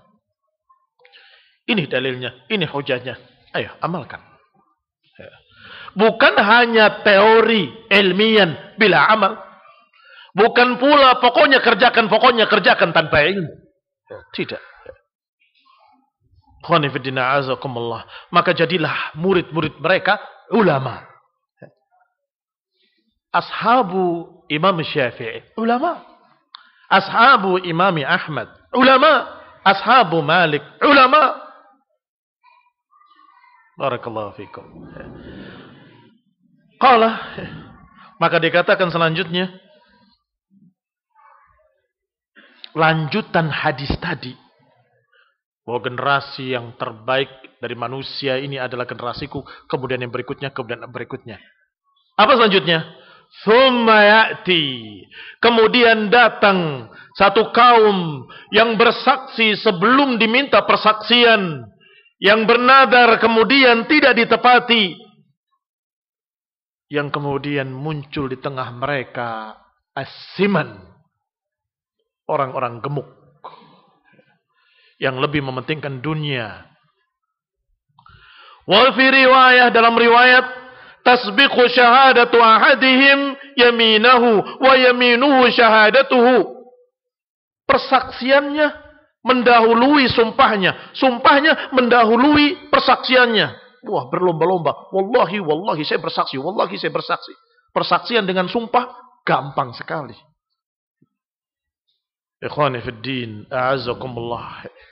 Ini keadaan generasi berikutnya. Setelah generasi al-mufaddalah dari para sahabat, para tabi'in, para tabi'it tabi'in muncul setelah itu. Kelompok-kelompok yang kata Nabi menggampang-gampangkan sumpah. Menggampang-gampangkan persaksian, enggak minta enggak diminta untuk bersaksi, dia bersaksi. Kaum muslimin rahimani wa rahimakumullah. Siapa mereka? Dan kayak apa mereka? Dan apa maksud Rasulullah SAW memberitakan tentang akan datangnya kelompok jenis mereka? Tanbihan wa tahdhira. Peringatan dari bahaya mereka-mereka yang tidak ikut salaf. Yang tidak ikut generasi yang pertama, para sahabat dan para tabi'in dan para tabi'it tabi'in. Yaitu orang yang bersumpah dengan sumpah-sumpah palsu. Yang bersaksi dengan persaksian-persaksian dusta. Yang mengaku begini, mengaku begitu padahal dusta. Ad'iyah. Hanya pengaku-pengaku. Insya Allah kita akan bahas yang demikian pada pertemuan berikutnya. Bi'idnillahi ta'ala. Subhanaka wa bihamdika la ilaha illa anta wa atubu ilaik. Assalamualaikum warahmatullahi wabarakatuh. Banyak sekali pertanyaannya. Masya Allah. Kalau kita jawab lima saja bagaimana?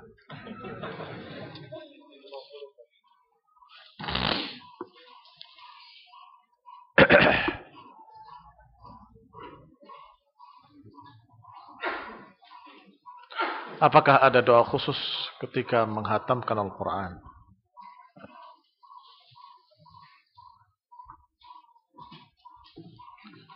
Allah alam.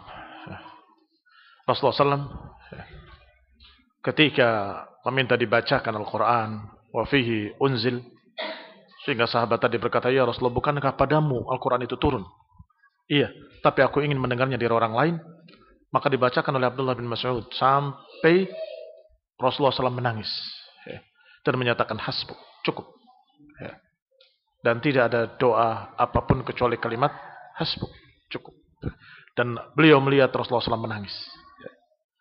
Sehingga berdoa boleh-boleh saja. Kapan saja, di mana saja. Kalau melewati ayat-ayat tentang neraka, kita berdoa, A'udzubillahi minan nar. Kalau melewati ayat-ayat surga, kita berharap mudah-mudahan mendapatkan jannah. Kalau kita membaca ayat-ayat tentang perintah dan larangan, berharap ya Allah, Berikan taufik kepadaku untuk bisa menerapkan ayat-ayat ini. Begitu saja. Ya. Enam. Wallahu ta'ala a'lam. Kalaupun mau berdoa, dengan doa yang dibacakan atau yang diajarkan oleh beberapa ulama, ya, tidak mengapa. Walaupun tidak harus seperti itu. Atau ada hadis-hadis yang umum berdoa dengan beberapa doa yang di dalamnya ada kalimat Allah maj'al Al-Quran rabi'a qulubina. Ya Allah jadikan Al-Quran sebagai pencerah hati kami. Dan jadikan Al-Quran walaupun tidak khusus di tempat tersebut. Tetapi memang karena berkait dengan Quran tidak mengapa kita baca. Wal amru fi dhalika wasi' wallahu ta'ala a'lam. Perkara ini luas. Karena perkara doa luas. Yang penting jangan diatur dengan keharusan-keharusan tertentu.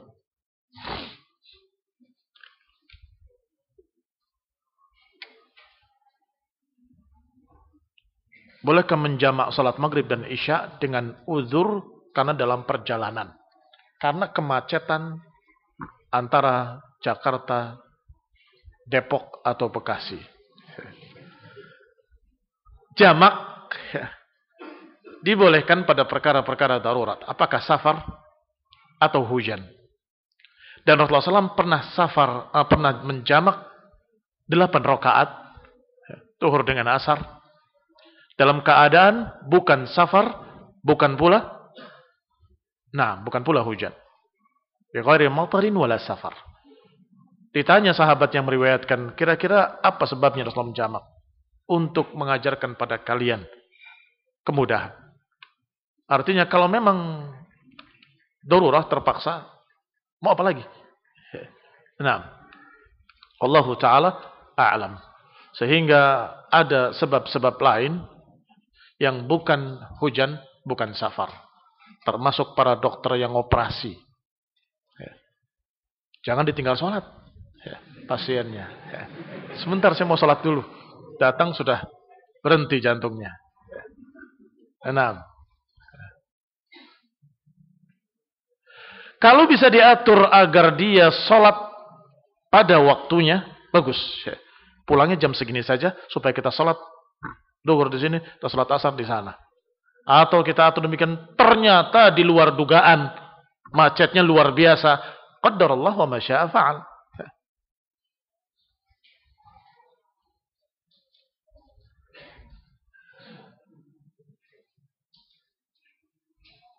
Ustaz, bagaimana meletakkan kenceleng pada saat kajian yang mana selalu ada setiap kajian? Barakallahu fikum. Yang menjadi muskilah atau yang menjadi masalah adalah kalau dalam khutbah Jumat. Karena khutbah Jumat itu dijelaskan secara khusus. Tidak bolehnya lagu, tidak bolehnya sibuk dengan sesuatu yang lain. Bahkan yang berkata kepada saudaranya, ansit, faqad lagha. Human lagha fala jum'ata lahu. Sehingga ketika Jumat jangan disebutkan dengan kenceleng. Tangannya dan suaranya koncreng, koncreng. Ya. Adapun pada selain itu, maka tidak ada mana padanya kecuali kalau dianggap mengganggu konsentrasi hadirin. Khususnya saya nggak suka. Kalau sedang ngisi, kalian sibuk dengan sesuatu. Ya. Sana, sini, sini. Apa itu? Mereka sedang apa? Ya. Saya suruh berhenti. Ya. Nah, mengganggu konsentrasi.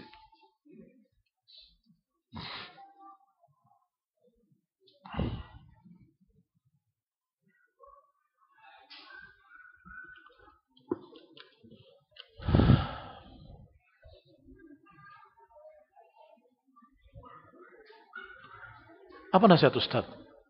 Buat ikhwah yang suka berselancar di dunia maya. Terkhusus di zaman fitnah ini. Ya. Sudah sering kita sampaikan masalah ini. Ya. Berselancar itu kan langlang buana, bukan? Ya. Keliling gitu ya. ya. Kalau dia silaturahmi ke tempat-tempat baik, ya baik. Kalau dia berhenti-berhenti di tempat jelek, ya jelek. Begitulah yang namanya alat. Yang namanya alat tidak bisa dihukumi alatnya. Yang namanya alat dipakai baik jadi baik, dipakai jelek jadi jelek. Nah, dan itu jawaban dari Syekh Ibn Uthaymin ketika ditanya masalah itu. Itu alat. Dipakai baik jadi baik, dipakai jelek jadi jelek. Nah,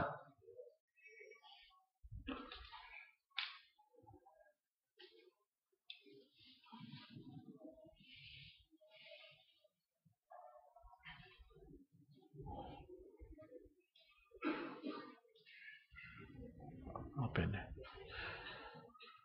Tolong tulisannya yang agak bagus sedikit. Ana bingung bacanya. Kayak Ana, Ana juga nggak bagus tulisannya.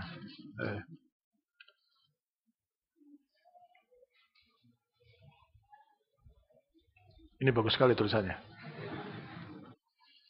Anda mau tanya bagaimana cara menasihati seorang istri yang masih bekerja sebagai guru pengajar di sekolah umum, terutama guru sekolah menengah atas SMA. SMA ikhtilat? Ajib. Padahal disebutkan dalam hadis yang sahih tentang dayus, dayuth dengan ta. La yadkhulul jannata dayuth, enggak akan masuk surga dayuth. Dayuth itu orang yang tidak memiliki cemburu. Istrinya dibiarkan berinteraksi dengan laki-laki, dengan yang bukan mahramnya, ikhtilat bercampur dengan mereka.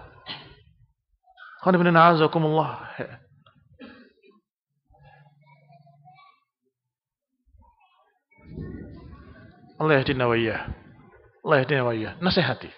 nasihati. Tolong diingatkan. Ini masalah bukan masalah kecil, masalah besar. Nanti ketika sudah terjadi sesuatu, baru kemudian bagaimana Ustaz hukumnya? Saya begini, begini, begini, begini. Kenapa? Istri saya begini, saya begitu. Itu akibat. Sebabnya adalah ketika kamu membiarkan dia interaksi dengan orang-orang yang bukan mahramnya. Nah, mungkin nggak pernah tahu ya, ada anak SMA yang naksir gurunya. Nggak pernah dengar. Sering terjadi yang seperti itu. Guruku cantik sekali katanya. Enam.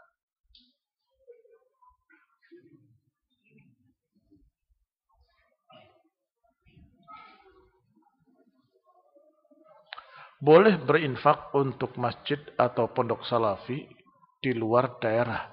Seperti sementara sholat kita dan masjid di dekat kita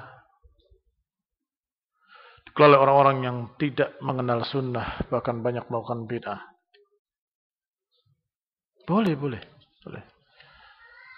Yang namanya sedekah adalah harapan agar mendapatkan pahala dari Allah Subhanahu wa taala dan berharap pula kalau bisa jariah terus menerus. Ya. Artinya kita bantu yang dia akan menegakkan sunnah dan akan menegakkan tauhid. Kalau sampai kamu bantu sesuatu yang ternyata menyebarkan kesesatan, ya kamu membantu kesesatan. Nah,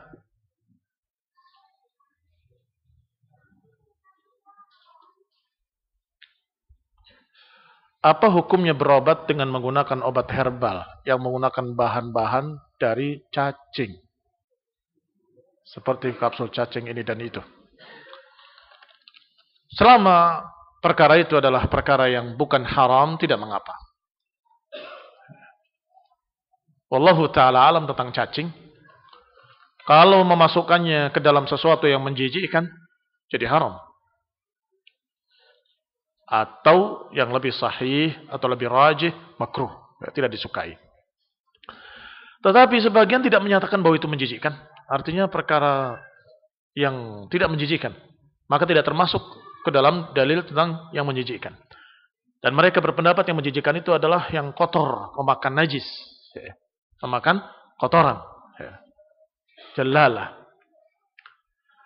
sehingga mereka berdalil dengan keumuman bahwa sesungguhnya semua apa yang ada di dunia ini halal kecuali yang diharamkan. Maka kalau bukan babi, bukan anjing bertaring, bukan uh, darah masfuh, daman masfuhan, bukan apa lagi, maka halal. Ya. Khalaqalakum ma fil ardi jami'an. Diciptakan untuk kalian semua apa yang ada di muka bumi. Sebagai tambahan sedikit bahwasanya yang disuruh oleh Nabi untuk dibunuh dan yang disuruh uh, yang dilarang untuk dibunuh maka itu haram dimakan. Jadi di samping yang sudah kita tahu tadi lahma khinzirin wa daman masfuhan wa ma uhilla li ghairillahi bihi atau ucapan hadis yang bertaring yang berkuku tajam dan begini dan begitu. Selain itu, yang disuruh untuk bunuh dia atau yang disuruh untuk jangan bunuh dia, maka itu pun haram untuk dimakan. Seperti kodok tidak boleh dimakan. Mengapa? Karena Nabi menyatakan tidak boleh membunuhnya. Wafis sunan disebutkan naha an qatlihi. Ya Rasulullah apakah boleh kami berobat dengan kodok? Fanaha an qatlihi. Nabi melarang untuk membunuhnya. Demikian pula cicak. Sebaliknya, bunuh dia. Tokek, bunuh dia. Yang dibunuh, ah, disuruh dibunuh, berarti tidak boleh dimakan. Taib kalau yang tidak boleh dibunuh, ya jelas tidak boleh dimakan. Karena nggak mungkin dimakan kecuali harus dibunuh dulu. Taib. Tetapi yang ini, kan suruh dibunuh. Kenapa kok nggak boleh dimakan? Karena yang tidak boleh dibunuh berarti tidak boleh dibudidayakan. Sesuatu yang boleh dimakan, boleh pula dibudidayakan. Ayam boleh dimakan, maka silakan beternak ayam. Tapi kalau sesuatu yang bunuh dia, maka jangan kamu memeliharanya. Ah, karena ini boleh dibunuh, kita pelihara, terus kita makan nanti kalau sudah banyak, kita jual, kita bikin bakso tikus dan seterusnya. Karena Nabi suruh untuk bunuh dia. Baik.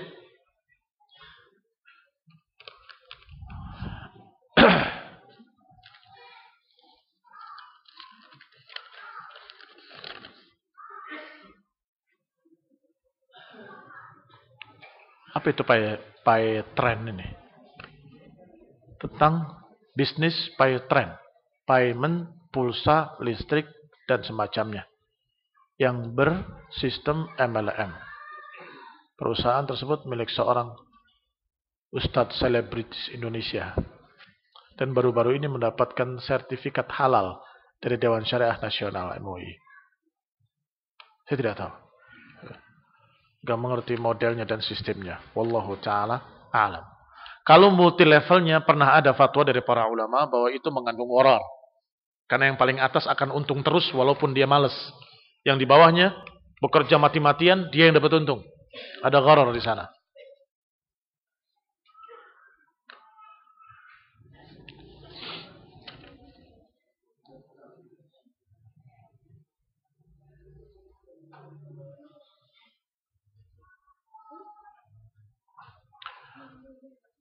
Ada subhat yang disebarkan oleh mumayyi'in yang mengatakan bahwa dakwah salafiyah adalah dakwah hizbiyah. Karena dakwah hizbiyah karena menuduh mereka memiliki pemimpin dan amir dalam dakwah. Kalian menuduh fulan wa fulan atau menuduh dakwah salafiyah. Bedakan dulu antara keduanya. Sudah kita katakan tadi, jangan kalian berbicara yang akibatnya sangat mengerikan. Oh dakwah salafiyah itu dakwah hizbiyah. Kamu menuduh dakwahnya para imam, imam ahlu sunnah sejak sahabat tabi'in dan tabi'it tabi'in dan para imam imam ahlu sunnah. Yang mereka semua berdakwah untuk mengajak kembali pada salaf. Kamu katakan hizbiyah? Mestinya langsung pada masalah si fulan dan si fulan itu masih ringan. Walaupun tetap tuduhan. Ya, tapi ringan bahasanya. Jangan bilang dakwah salafiyah, dakwah hizbiyah. Jangan. Dakwah ustadz-ustadz kita ini hizbiyah. Karena punya amir misalnya. Maka kita akan katakan kadabta. Engkau berdusta. Kita nggak punya amir. nggak punya sultan. Dan kita nggak punya orang yang kita bayat. Sami'na wa ta'na. Tidak. Yang ada hanya saling mengingatkan. Saling menegur. Saling menasehat. Saling menasehati. Dan musyawarah. Tidak lebih dari itu. Walhamdulillah Rabbil Alamin.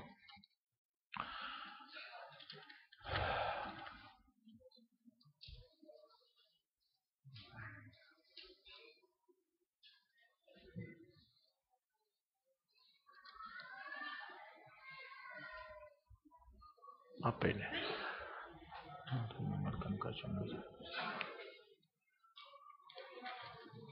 Hampir mirip semua pertanyaan-pertanyaannya.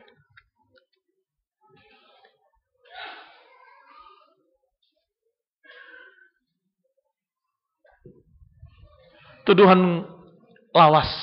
Ya. Itu tuduhan lawas. Dari zaman berapa tahun yang lalu sudah mendengar kalimat itu. Ini hizbiyah, ada amirul mukminin, di Jember ada Amirul Mukminin. Ini fitnah yang sudah kuno.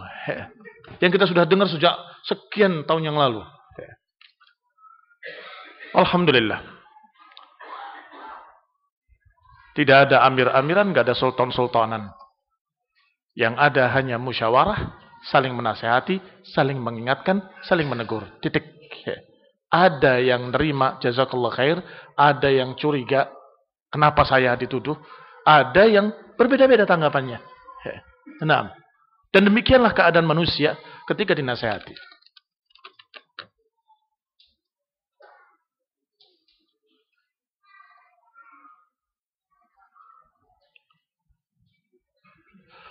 Batas normal haidnya seorang wanita berapa hari? Apa ini? Kadang sebelum batas haid sudah berhenti kalau sebelum batas haid sudah berhenti, dan benar-benar berhenti, artinya diuji dengan sejenis uh, tisu atau pembalut dengan jari ke dalamnya. Maaf, agak jelas supaya bisa jelas. Kadang-kadang tidak keluar tetapi di dalamnya ada darah itu. Ya. Sehingga dicek. Ya. Kalau sedikit dia nggak keluar sampai ke pintunya, sampai ke mulut rahim. Hanya di dalam saja dia, ketika sudah mulai banyak baru keluar lagi. Nanti kamu sudah sholat ternyata besoknya keluar lagi. Ternyata dia keluar, tapi karena volumenya sedikit, maka dia tidak keluar sampai ke pintunya. Sampai ketika sudah tertumpuk di sana, baru terlihatan di pintunya. Sehingga periksa sampai ke dalamnya.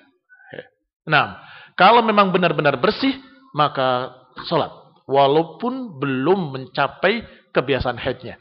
Biasanya delapan, ternyata baru empat atau lima sudah bersih, ya sholat. Taib, kalau benar-benar terbukti bersih. Sekarang sebaliknya, kalau tidak bersih-bersih, sampai kapan batas haidnya? Sebagaimana disebutkan dengan pertanyaan, berapa harikah? Tergantung kebiasaannya. Dan di sinilah yang dikatakan oleh para fuqaha, al-adah muhakkamah. Kebiasaan menjadi hukum. Yang kebiasaan 10 hari, 10 hari. Yang kebiasaannya 8 hari, 8 hari. Wahalu majarra. Kalau sudah lebih dari kebiasaannya, biasanya 10 hari. Ini kok masih sampai sekian belas masih belum Salatlah. Berarti engkau terkena penyakit istihadah. Nah, wallahu taala a'lam bissawab wal afu minkum wa sallallahu Muhammadin wa ala alihi wa ashabihi wa sallama tasliman katsira. Subhanakallahumma bihamdik asyhadu an la ilaha illa anta astaghfiruka wa atubu ilaik. Wassalamu warahmatullahi wabarakatuh.